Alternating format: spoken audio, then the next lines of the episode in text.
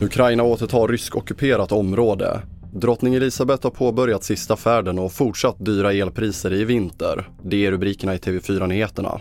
Men vi börjar med att den ukrainska sidan uppger att man återtagit kontrollen över staden Itium i nordost som varit under rysk kontroll sedan i våras och Ryssland har medgett att man omgrupperat sina styrkor från staden.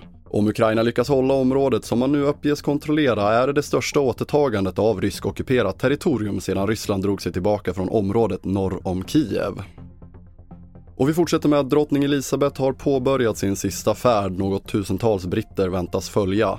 Söndagens avfärd från kungafamiljens skotska residens markerar starten på en nationell sorgeperiod som avslutas med drottningens begravning den 19 september och du kan följa drottning Elisabeths sista färd på tv4.se. Vi fortsätter med kostnadsutvecklingen som fortsätter under hösten och allra värst blir det i Skåne men även i Mellansverige.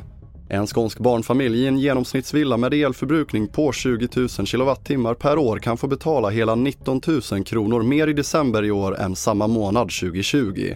Och i Mellansverige kan kostnadsökningen för familjen bli över 16 000 kronor enligt Länsförsäkringars antaganden och beräkningar.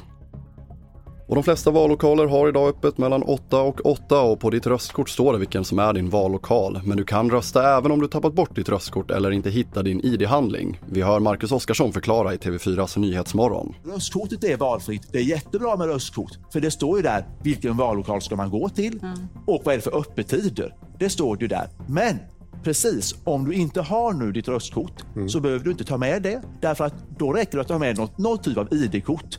Eller om du inte ens kan hitta vad du har lagt i körkort, se till då att mamma, pappa eller brorsan eller någon som är myndig som är över 18 år följer med och intygar att du är du. Och mer om detta på tv4.se. Och vi avslutar med att ett forntida skelett hittat på Borneo visar att skickliga amputeringar utfördes redan för 31 000 år sedan, tiotusentals år tidigare än vad man trott. Det ovanligt välbevarade skelettet hittades för två år sedan i grottan Liang Tebo och bara vänster fot och fotled saknades. Och nu kan forskarteamet konstatera att leden har tagits bort avsiktligt vilket man kan se på benet som är kvar. Och fler nyheter hittar du som vanligt på tv4.se. Jag heter André Meternan Persson.